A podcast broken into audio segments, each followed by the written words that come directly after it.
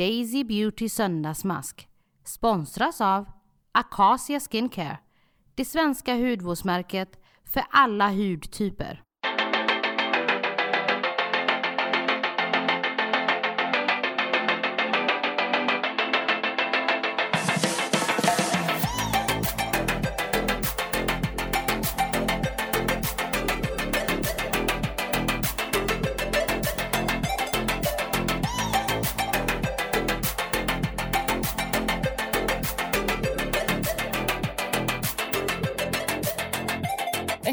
Norr om Stockholm intill en flerfilig motorväg.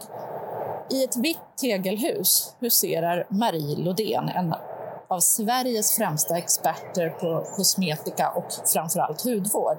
Hon är docent i experimentell dermatologi och var en gång i tiden forskningschef på ACO. Hon har utvecklat produkter för svenska varumärken som Coolderma, Canoderm och Eden Minerals. Jag ska gå och knacka på vad jag tror är hennes bakdörr. Jag ska bara upp för några små trappsteg här. Fram till det vita tegelhuset. Över en liten grusplan. Sen ska vi se om jag kan hitta Marie.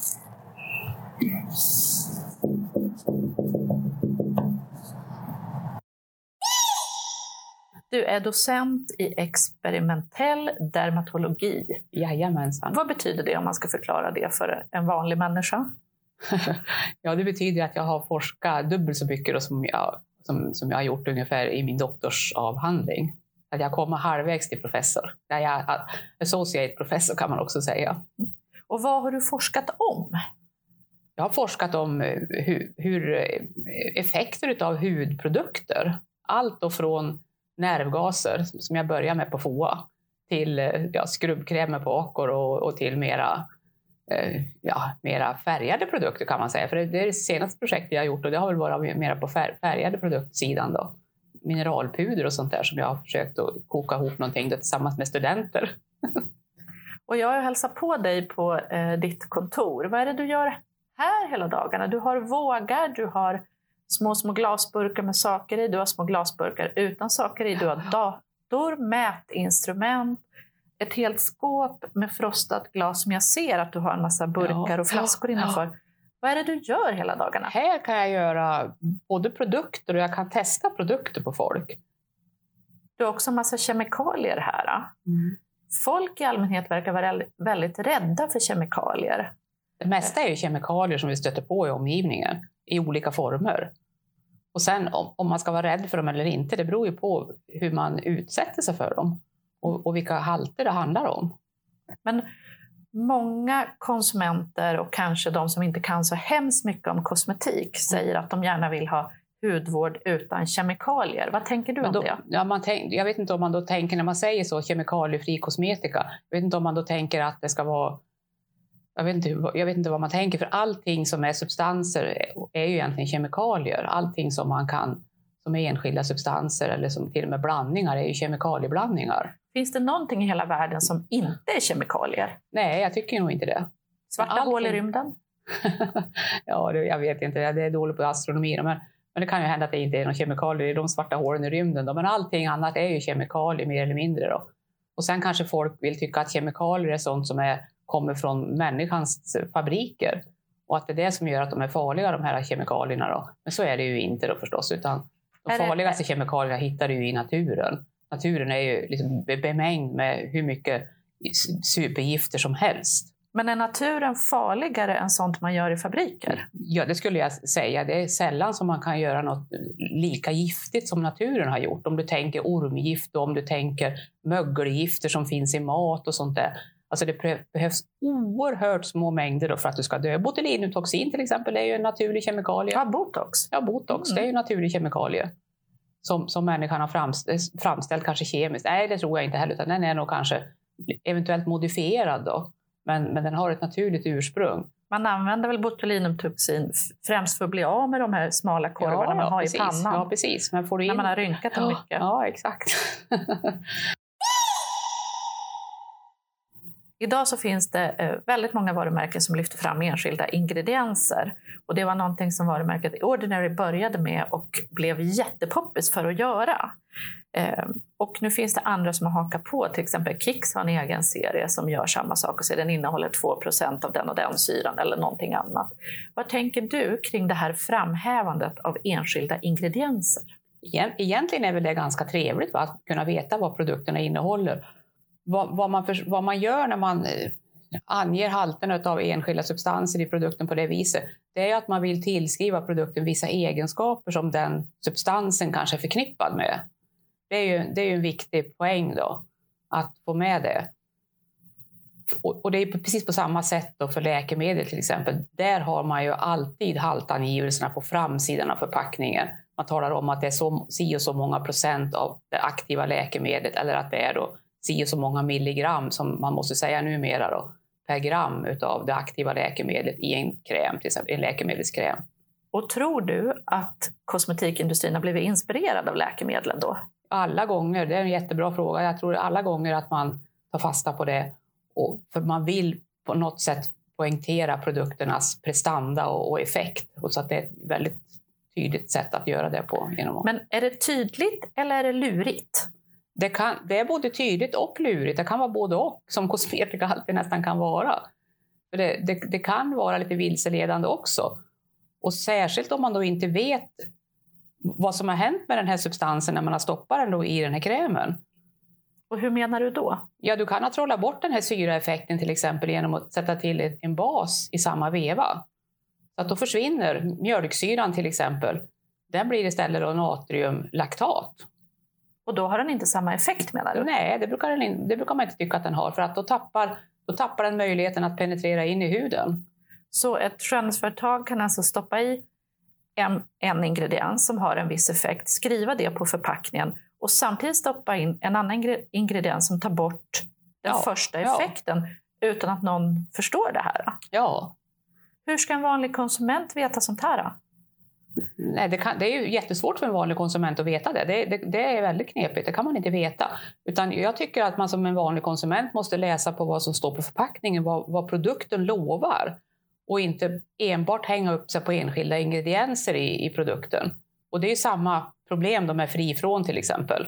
Mm -hmm. Hur menar du då? Ja, det, har, nu har man ju förbjudit det här fri från-begreppet. Ja, just det. Det är ett EU-beslut, va? Ja, det är Man får inte säga fri från parabener eller fri från silikoner. Nej. För att det anses vara missvisande va? Ja, det kastar, dels missvisande men det kastar skit också då på legalt använda substanser. Substanser som kanske väl, i väldigt hög utsträckning har, har granskats av expertkommittéer och kommit fram till att de här substanserna kan man använda i, i speciella halter och produkten blir därmed effektiv och, och verksam.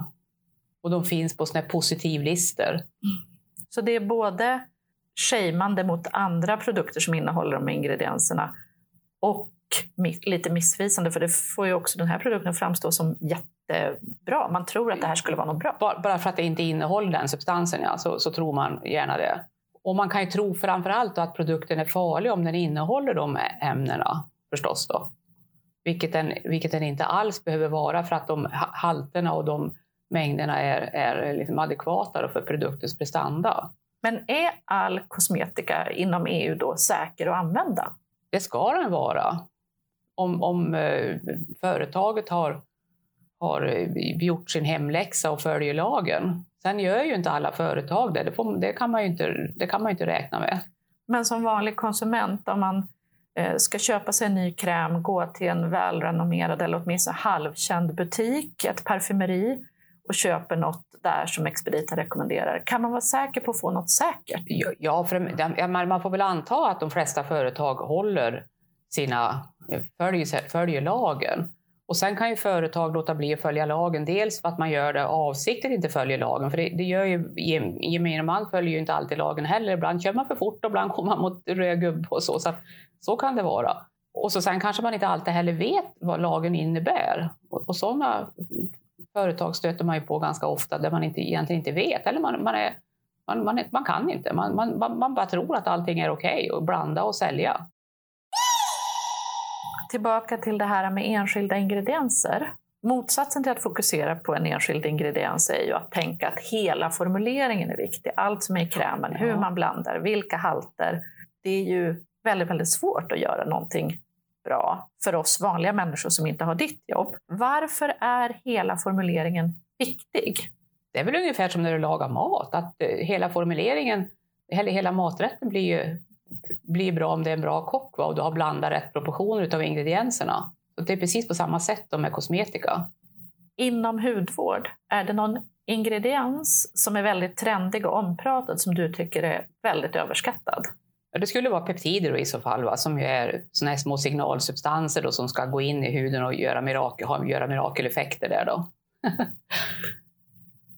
Och vad är det du inte tycker är bra med dem? Ja, dels så tycker jag att de är illegala utifrån ett europeiskt perspektiv, om de är i kosmetika. Och, och sen, Just för att de påstådda mirakeleffekterna? ja, eller? ja, och den verkningsmekanism som de påstås ha, nämligen att liksom stimulera olika, olika saker då i huden och få vissa effekter i huden. Och, och den mekanismen då är, som jag uppfattar den, inte accepterad i- Europa för kosmetikaingredienser. Är det accepterat som något annat? Ja, det skulle kunna vara läkemedel, vilket då innebär att då måste man veta att man har adekvat halt i produkten till exempel.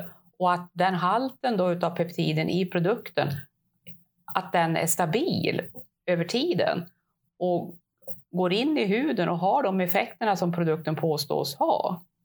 Och hur ser det ut med halten av de här peptiderna i kosmetika? Ja, ofta så används ju de här peptiderna bara som marknadsföringssubstanser. Man, prat, man pratar om dem då för att få, för att få attraktionsvärde på produkten.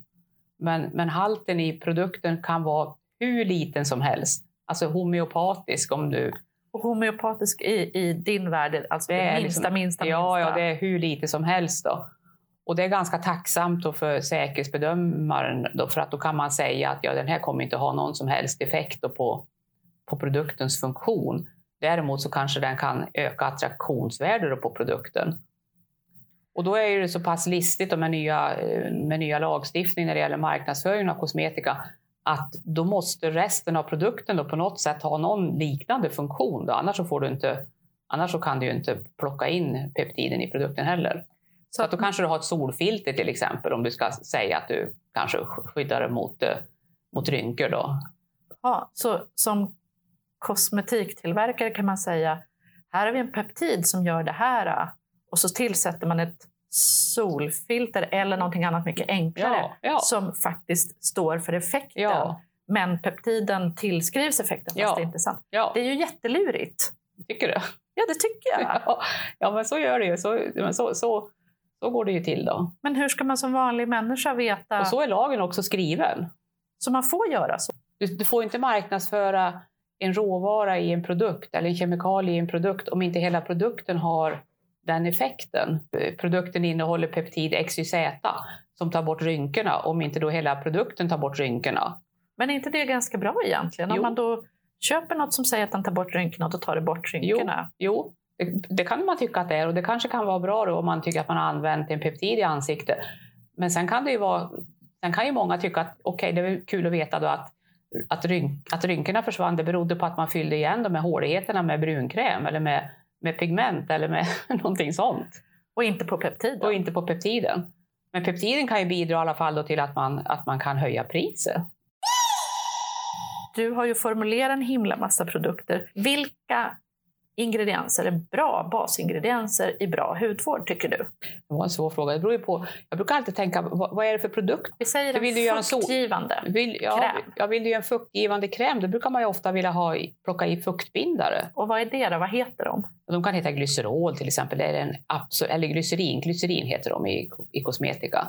Det är, tror jag, den absolut vanligaste eh, fuktbindaren i kosmetika. Och den är så himla finurlig också så att du får höga mätvärden när du använder den klassiska apparaten för att mäta fukthalt. Det instrumentet reagerar väldigt starkt på den substansen. Du kan visa ganska lätt att huden har blivit lite fuktigare. Då.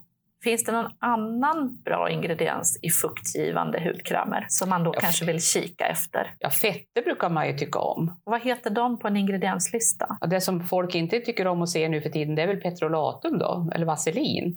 Eh, Och mineralolja eller paraffin. Ty- Men de är bra. folk. De är bra. De är väldigt feta och de lägger sig väldigt snällt på hudytan och bromsar vattenavgivning, eller tätar huden artificiellt och på utsidan. Så att vattnet i huden inte dunstar? Ja, ja. Plus att de är väldigt snälla mot huden så att de ställer inte till med några problem i huden. Däremot så kan, kan många vegetabiliska oljor som är väldigt populära, för det intuitivt så tycker man att det låter väldigt bra att använda vegetabilisk olja, sånt som man äter i hudvård. Men, men många vegetabiliska oljor har ju, behöver inte vara jättebra för huden. De kan, de kan härskna och de kan, de, kan, de kan ha andra negativa egenskaper för huden. En annan ingrediens som jag ser ofta i hudvård är propan, propanediol. Brukar det stå. Vad är det för Propandiol. något? Propandiol, det är, det är en, en fuktbindare ungefär som glycerin. På, påminner ganska mycket, eller ännu mer om propylenglykol. De, en- så propylenglykol, propandiol och glycerin är det- bra fuktbindare. Gillar vi dem? De, är, de, är, de, är, ja, de, de gillar vi. Mm. Det finns inte mycket biverkningar förknippade. Jag har nästan, ingen, jag har nästan inte sett någon biverkan förknippad till propandiol eller glycerol. Så gott som ingen biverkan till, till dem. Och det vill man ha. Ja, Något det brukar- biverkansfritt. Ja, det vill man ha. Annars så har ju de flesta substanser några fallbeskrivningar då i världen då på kanske allergier eller något sånt där. Då. Men, men där har man inga allergifall i alla fall. Daisy Beauty söndagsmask sponsras av Acacia Skincare, det svenska hudvårdsmärket för alla hudtyper. En omdiskuterad ingrediens som jag ser i olika skönhetsforum på nätet, det är något som står på ingredienslistan som alkoholdenat, alltså Ja. denaturerad alkohol. Ja. Vad gör den ingrediensen och hur ska vi akta oss för den? Eller? ja, det, finns ju, det finns ju kända liksom, skönhetsjournalister som verkligen vill bannlysa alkoholdenat. Alkoholdenat det står ju för denaturerad alkohol. Eller Vad är det? Det är denaturerad etanol. Det är ungefär Vad är som denaturerad för något? Det är ungefär som absolut vodka som man har tillsatt någonting till då, så att man inte ska kunna dricka den. Då. Utan man, man, det smakar väldigt illa eller man kanske kräks. Så det är en odrickbar vanlig alkohol egentligen. Ja, det är det. Alkoholdenat. Och varför vill eller vill man inte ha det i hudvård? Många säger ju att den är uttorkande. Stämmer det? Mm, Ja, alltså om du använder den i desinfektionsmedel, för alltså vanliga desinfektionsmedel numera då är ungefär till 70 procent av alkoholdenat. Det, det är en klassisk eh, halt och det kan vara 75 också. Handdesinfektionsmedel, folk får ju väldigt torra händer av det. Och, det är ju känt också från sjukhusen att man får väldigt torra händer av denaturerad alkohol, handdesinfektion. Och, in, och inom sjukvården så använder man ju kanske 25 gånger per dag en sån här etanollösning. Då. Och, och de här etanolerna de kan ju då lösa ut eller ta bort fetter från huden ja, och göra huden torr helt enkelt. Gör denaturerad alkohol det även i en Nej. toner eller om det Nej. råkar ingå som en annan ingrediens Nej. i någon hudvård? Nej, jag skulle säga att den har ingen betydelse i, i vanlig hudvård. Det, det skulle jag säga. Varför har man den i ganska stor mängd i vanlig hudvård då?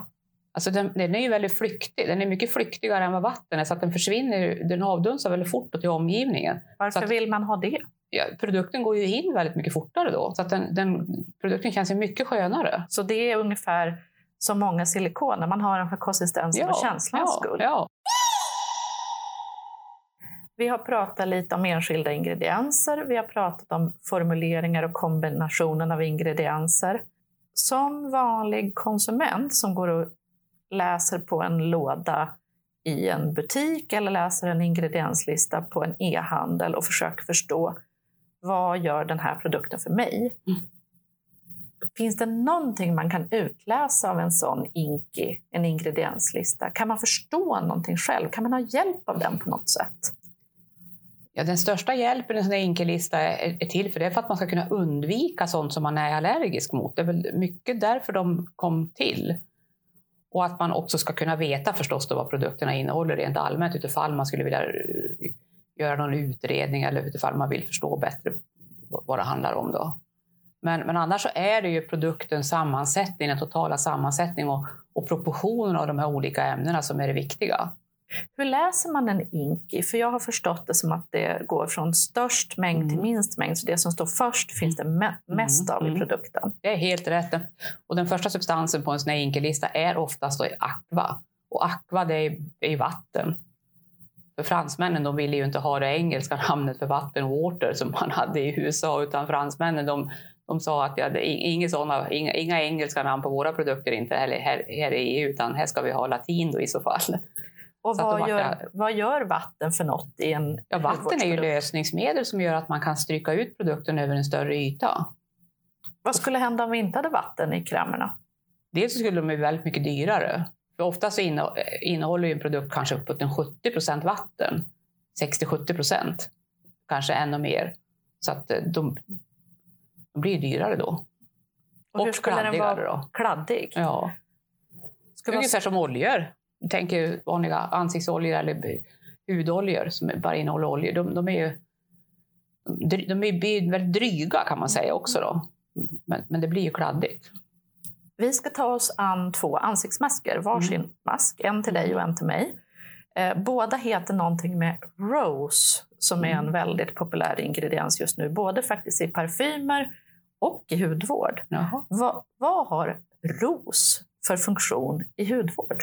Men det har varit populärt ganska länge. Det var en av de första uppdragen jag fick som egen firma. Det var att titta på något hydrolater från ros, eller vad det kallas. Då. Jaha. Ja. Och var... vad sa din titt på hydrolater ja. av ros? Ja, ja, ja, ja. Alltså det, det, det, det, finns väl en massa små, småämnen där, många kemikalier. Mm. Massor med kemikalier. Och, och det kan vara olika, liksom, olika halter på de där kemikalierna och så, men rent allmänt så måste man ju hålla koll på så att det inte är några allergiframkallande kemikalier då, som måste namnges på innehållslistan. Så det är en viktig bit att hålla koll på det. Eh, jag ska testa en eh, mask som har 20 ingredienser och den 16 är rose water. Mm. Är det mycket eller lite? Det låter ju som att det är jättelite. När det kommer som nummer 16, sa du så? Nummer 16, 16 av 20. Ja, 16 av 20. Rent allmänt och så måste du ha fallande ordning ner till 1 procent. Och sen efter 1 procent kan du ha vilken ordning du vill. Jag har förstått det som att just konserveringsmedlet fenoxietanol får man ha i 1 procent. Mm. Mm. Så om man hittar fenoxietanol på ingredienslistan då vet man att allt efter det är det mindre än 1 procent. Ja, det, det, så kan man säga.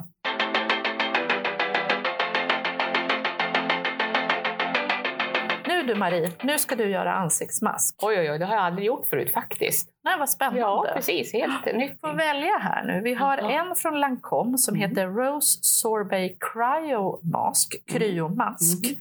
Väldigt oklart vad det innebär. Det ska ju bidra med någon slags kyla. Mm. Och kryoterapi som salongsbehandling eller klinikbehandling är väldigt mm. trendigt. Så jag gissar att det här är ett sätt att liksom profitera på det, det intresset och den mm, trenden. Mm, mm, det är väl eh, kreativt och roligt.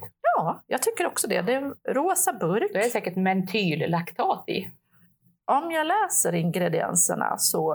Eh, är det säkert, men det kan vara mentyllaktat. Så står det, Om det mentol. mentol. Ja, mentol. Det luktar ju då. Och ja. Sen kan man ha i mentyllaktat som inte luktar mm. och så får du samma kyleffekt. På plats 15 hittar jag eh, mentol. Tror du att det är det som ger den kylande effekten? Ja, det, jag, jag, ja det, det, skulle det kunna vara. Bland annat då.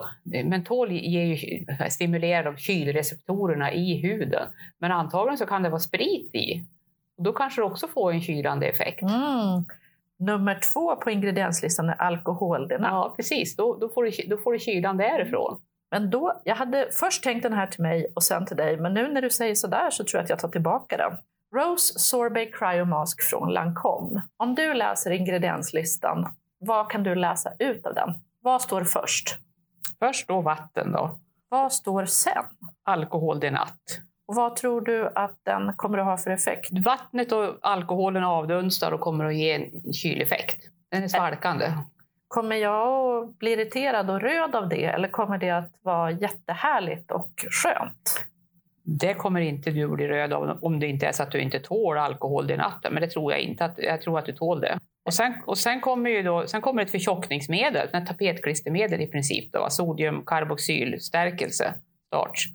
Och så kommer glycerol, eller glycerin. Och sen kommer det honey, och den säljer vi lite grann då förstås. Att det, att det finns lite honey i då. Men den är ju ändå på sjunde plats, inte det ganska mycket? I, eh, nej, det tror jag inte. Du har ju karboxyl, ja, stärkelsen där, vad kan det vara av den då? Säg det 3 av den då, eller något sånt där, inte mycket mer. Så att det är klart under den. Och sen kommer, som efter, efter honungen här så kommer det färgämne och det är sällan mycket färg. Det är, det är delar av procent. Alltså det, det, kan vara, det kan vara hur lite som helst nästan. Då. Om jag öppnar burken och kikar så är det en eh, transparent, geléig, lite hård geléig Mm. eh, mask som är rosa. Mm. Och doft, ja. men doftar ros och lite sprit skulle jag säga. Mm. Mm. Ja. Men det luktar ju rent och fräscht. Men det är ungefär det du har sagt också, att det är färgämne och tapetklister, för det är lite tapetklister. Sen har vi den andra rosmasken. Den är från ett eh, kaliforniskt franskt märke som heter Audacité. Som är lite mer åt det naturliga och holistiska och gröna hållet. Audacité Bioactive Rose Gommage. Eh, gommage betyder att den har en, man kan rubba av den så man får en liten peeling. Mm. Här står det också att man kan ha den bara som en mask. Use the facial brush included, den fick jag med mig. Mm. To apply a thin layer over face, neck and décolleté. Let the ingredients work their magic for a few minutes. Oh. Eh, och den här, när man vrider av korken så ser man att det är en sån luftfri förpackning. Eh, så att det är en helt täckt burkyta. Ja. Så man trycker En på hela ytan. Ja. Och i ett litet hål i mitten kommer det då upp en lämplig mängd mask. Mm. Bra doseringshistoria. Väldigt bra. Så jag trycker lite här så får vi se. Då kommer det upp en, Titta, färg. en rosa gelé som är något mjukare Ja. än den andra rosa gelén. Mm. Vilken vill du ha? Vill du ha gommagen som du kan maska med? Eller vill du ha eh, kryomasken? Rosa gelé eller rosa gelé? Vad känns rätt Det idag? spelar ingen roll. Jag kan ta den Du här. tar den där. Här får du en Det är pensel kul att till. se hur, hur förpackningen fungerar. Då, och jag smetar det verkar inte vara som här airless, va? eller är det det? Jag tror att den är airless. De är ganska dyra och mycket av ett högt pris brukar utgöras Ja. av förpackningen. Så Ja, jag gissar att den kanske är och det kanske är Airless. så. Ja, att det är så ungefär som en, en eh, påse inuti. Då. Min eh, rosa, lite transparenta gelé har samma tjocklek och konsistens som tandkräm. Din är lite mer flytande. Mm. Nu drar jag på den över hela ansiktet. Ja, nu har jag gelé över hela ansiktet. Ja, Eh, inte jag. Nej, jag, du måste ha mer. Du snålar. Nej, då. Det, det, det, den torkar in ganska direkt. Sådär. Jaha. Och så bär det, var att jag faktiskt la på en, en egenhändigt gjord kräm här innan jag gick till labbet. Jaha. Jag håller på nämligen och gör någonting som jag inte är nöjd med än. då, Men jag håller på att göra någonting som skulle kunna fungera på rosacea hud. Oj, då kommer jag sättande och stå först i kön för Ja, vad- jo, men jag tycker att den börjar... Den är, den är, jag, har en, en väldigt kräsen prövare. Jag, jag håller på med två produkter. En för, liksom, mera för natten, för det går inte att kombinera ämnena som jag vill ha i produkten i, i en kräm. Utan jag måste ha två produkter. Så nu, och, och, då, och då... Men vadå, en dagkräm och en nattkräm? Ja, det måste bli så. För jag kan, eller, ja, precis. Det måste bli på något sånt sätt. Då. Och nu tog jag dagkrämen, för den har jag tillsatt färg i. För att jag har, jag har nämligen zinkoxid i produkten. Och zinkoxid ger ju en väldigt vit, eh, vit hud. Och då har den här kräsna provaren sagt att nej, det där kan man inte ha. Så då har jag tillsatt färg, pigment, lite, lite, lite gult och lite rött och lite svart. Då. Så att ibland kan det vara så att man måste ha både en dag och en nattkräm från Ja, samma märke ja, för att allt ja, ska funka. Ja, det, så kan man, jag tycker det. Så, det. så kan det gott och väl vara. Så, så kan jag tänka mig att det kan vara. Även om jag inte har sett det förklarat för mig. Men jag inser det att jag kan inte kombinera de här substanserna som jag vill plocka i den här krämen och få dem stabil. Utan, utan jag har särat på det. Då. Så att nu har jag två stycken som jag tror är väldigt bra produkter då för, för den här typen av hudproblem. Då. Du smörjer och smörjer och Ja. lägger på och lägger på din gelé. Du, Det bara blir försvinner aldrig- i alla Det bara fall. försvinner Det bara försvinner. Det är bra. Är du torr? Ja, min kräm här var gjorde mig tydligen torr. Jag har sett att vissa engelska kemister på Twitter diskuterar om glycerin egentligen kanske faktiskt är lika bra som hyaluronsyra. Och att hyaluronsyra har fått eh, blivit trendigt helt enkelt Ja. för att det är mer säljigt. Tycker du att glycerin och hyaluronsyra är jämförbara? Bägge binder fukt, men den ena binder fukt på ytan, hu- hudytan, nämligen hyaluronsyra, för den är så stor. Men däremot glycerin kan man tänka sig gå in i huden och binder fukt i huden, vilket man ju kanske vill ha fukten och det är därför man vill använda det. Det är vanligt att diskutera och påstå att saker går in i huden men också går in i kroppen. Av en hudkräm som man smörjer på hudytan, hur mycket går igenom huden och hamnar i kroppen överhuvudtaget? Det är ju ytterst, ytterst lite som, som tar sig in i blodbanorna. Och vad är ytterst, ytterst lite? Är det 7 procent? Är det hälften? Är det 1 procent? Är det en mikroprocent? Runda slängar, säg att det är en procent då. Är det farligt att 1 procent av en hudkräm hamnar i blodet? Nej, nej, det är inte alls farligt. Det, är, det ska det inte alls vara. Men det kommer det inte inte åka runt där i blodet i resten Jo. av våra liv då? Nej, nej, nej, utan det kissar man ju ut. Det är därför man hittar solskyddsfilter till exempel i urinen. Och så gör man en stor historia av det, för man har hittat solfilter i urinen. Och det är ju helt naturligt. Du hittar det, för du har satt det på huden. Och solfilter tar sig igenom huden, eller många solfilter tar sig igenom huden i sådana mängder att man kan mäta det i, i urinen. Men det är inte farligt att kissa ut solfilter. Nej, Finns det någon hudvårdsingrediens man bör vara extra uppmärksam på och extra försiktig när man använder? Alltså, som kemist så gör du ju det. Eller när du utvecklar produkten så får du ju ta ställning till det hela. Men som, men som användare så ska du vara säker på att eh, du får inga effekter i kroppen. För att är produkten ordentligt gjord så, så, så är den bedömd. Och då ska säkerhetsmarginalen för farliga effekter vara mer än 100. Men en väldigt omtalad ingrediens eller ingredienssort är ju parabenerna. Ja. Behöver man vara orolig för dem? Absolut inte, för de, där har man ju också räknat ut att man ligger ju eh, jättelångt ifrån doser som skulle kunna tänkas vara farliga. Det spelar ingen roll om man har tio olika produkter i sin hudvårdsrutin som alla innehåller nej, parabener. nej, nej, nej, nej, utan det, säkerhetsbedömningen är gjord liksom för att alla produkter man har i sitt sortiment innehåller parabener i maxhalt. Och att man använder att, bara, att det bara är parabener som konserveringsmedel. Och ofta så blandar man parabenerna med något annat konserveringsmedel. Ja, alltså ofta så ligger det ju inte heller på maxhalt sådär, då, Nej. utan, utan max, maxhalten är säker. Mm. Och där är då risken att eh, drabbas, eh, den, är liksom, den, är, den, är, den, den finns inte. Nu har vi tvättat av maskerna. Hur ser jag ut i... Ja, jag, antar att, jag antar att du har tvättat bort masken för att du är alldeles rosa i pannan. Ja. Ja, det är, jag tror att det är mentolen. ja, alltså. det, är- Är det vanligt att man är känslig för mentol? ja, det kan det ju vara så där, men inte, det brukar inte bli rött på det viset. Det är, det är inte så jag känner igen det på direkt. Men Vilka är vanliga ingredienser som folk brukar ha lätt för att vara känsliga mot? Ja, mentol, mentol är väl en sån alertingrediens då. Och sen i den där ingick ju även salicylsyra.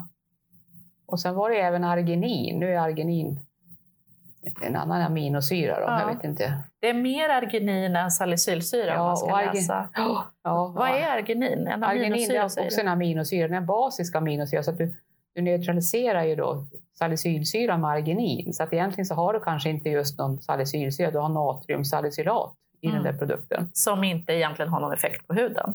Nej, inte något speciellt Så mycket du- i alla fall, effekt i alla fall. Du har en Inte ingrediens och så en annan ingrediens. som Så att man kan, ju mäta, man kan ju mäta pH på produkten och då kan Mm. du ju räkna ut ungefär då hur mycket salicylsyra du har i produkten. Och då tänker jag mig att den där är säkert inte så jättesur. Kan en vanlig människa mäta pH på en kräm? Ja, det kan vara lite svårt sådär, men lite grann kan man ju göra. Och vad vill man ha för pH-värde på en vanlig hudvårdsprodukt? Ja, om du ska ha effekt av syre, då ska det ju ligga lågt på pH där. då. Tre, fyra. Och då svider det ju. Och det kanske man vill att det ska göra. Ja, vill man ha effekt då, Ja, så då- får man stå ut med Ja, att det blir svider det, såklart. ja, det blir så.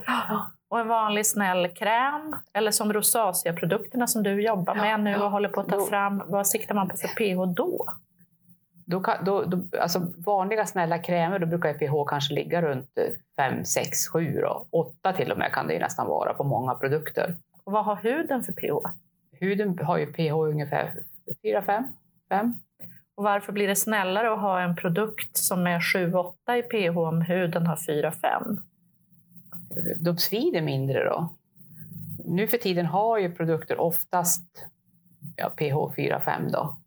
Förr var det mycket vanligare med 7-8. När man hade andra typer av emulgatorer för att stabilisera krämerna, då, då låg pH oftast högre. Är det någon fördel att ha ett lägre pH på en kräm? Man, har, man försöker ju säga det hela tiden att det har en fördel, men jag har sett väldigt få studier som har visat det. Väldigt få. Sen kan man ju kanske tänka sig att det kan ha en fördel när det gäller hudens mikrobiom, då, eller överlevnaden hos mikroorganismer. Är det bättre att ha 4-5 då? Det kanske kan vara så. Men jag tror, jag tror det saknas jättemycket kunskap inom det området. Det skulle kunna vara som man pratar om hudens syramantel till exempel. Och att huden har lågt pH, det är för att det kommer ut fettsyror och kommer ut ämnen då från talgkörtlarna och från svettkörtlarna som sänker hudens pH. Och det kanske finns något, något biologiskt viktigt med det. Som inte är upptäckt än? Ja, som inte man riktigt har full, full koll på. Och det skulle kunna hänga ihop med mikroorganismerna på huden. Då. Din hud ser eh, väldigt eh, jämn ut på ytan tycker jag. Vad känner du på din egen hud efter den här lilla masken? Ja, ja. Jo, men den, den, det känns ju ganska bra. Känns det något annorlunda än innan nej, masken? Nej inte, nej, inte speciellt. Har du någonsin varit med och ta fram en mask själv? Nej. Men masker är ju jättetrendigt Marie. Ja, Varför har du inte tagit fram några masker? Jag har inte kommit någon kund till mig och vill ha en mask. Men jag ska bli den första. Ja, gör du det? Jag vill ha en egen Kikki-mask. Ja, just det. Underbart. Ja, ja. Kommer du att prova ansiktsmask igen? Jag tror inte det. Jag tror inte det. Inte din jag, jag läser hellre en publikation. Jag tittar hellre på något sånt. Vilken är din favoritprodukt, en enskild produkt för hudvård? Den som jag använder mest av allt är Dove fasta tvål. Marie, du är en skam för hudnördarna. Ja, den, den tycker jag faktiskt, den, den gillar jag. Vad är det du gillar med den? Ja, jag tycker, om, jag tycker om doften. Jag tycker om att det är fast tvål. Fast tvål har fått lite av en comeback. Nu är de ju trendiga igen. Är de det? Mm. Ja, ja, jo, men de, de är ju... Det börjar jo, komma schampon som är fasta Ja, tvålar. Alltså och andra produkttyper som Ja. beter sig som Ja. fasta tvålar. Ja, jag har inte sett så mycket. Jag har sett att det har kommit schampo, men jag har inte sett själva produkterna. Jag har inte, jag, jag har inte kommit i kontakt med dem fysiskt än. Eh, Det har jag inte gjort. Coty har tagit fram en, ett helt nytt varumärke som är veganskt och trendigt och alla trendiga produkter. Mm. Där finns det en sån schampokaka. Ja, ja. Eh, Lush har schampokaka. ja, ja. Eh, I veckan blev jag kontaktad av ett nytt svenskt varumärke som just gör schampokakor. Så att, Det, skulle vara inte, det skulle vara kul att se vad de innehåller, för jag har inte, jag har inte sett det faktiskt än. Om det, om, det, om det bygger på samma komponenter som i fasta tvålar, det tror jag inte. För fasta tvålar har ju högt pH. Va? Mm. Och högt pH i håret brukar ju inte vara så bra, för man vill ju ha lågt pH där då för att eh, det ska, det ska, hur håret ska bli, kännas smidigare och bättre. om vi tittar framåt i framtiden, vad tror du kommer att vara den största hudvårdstrenden om fem år? Jag har ju sagt under många år nu om mikrobiom, då, det har jag pratat mycket, mycket om. Det. Jag, tror att det kommer att fortsätta till en del då, på det temat, det tror jag. De goda bakterierna på huden. Ja, hitta det vad som, vad som eh, ja, vad huden mår bra av och, vad, och, hur, och hur man påverkas kanske invärtes också av bakterierna på huden. Är det någon produkt eller någon hudvårdseffekt som vi saknar idag som du tror kommer att finnas om fem år? Eller har vi redan uppfunnit det mesta vi behöver? Mycket går ju i cykler så det kommer ju tillbaka. Alltså det går ju mode i saker och ting. Så även i hudvård. Så att, eh, Vad kommer vi att se igen om fem år? en bra fråga, det vet jag faktiskt inte. Jag tror på ansiktsvattnets återkomst. Jaha, Tonen okej, kommer att bli okej, trendig. Okej, okej. Ja, då, då håller jag med dig då. Daisy Beauty söndagsmask sponsras av Acacia Skincare, det svenska hudvårdsmärket för alla hudtyper. Tack snälla för att du ansiktsmaskade med mig. Ja, tack. tack. Din första Min ansiktsmask. första premiär, ja, det var ju fantastiskt. Och kanske sista. Ja, vem vet. Vem vet men bara, ja, det, ja, det var skönt, säger vi. Tack så jättemycket.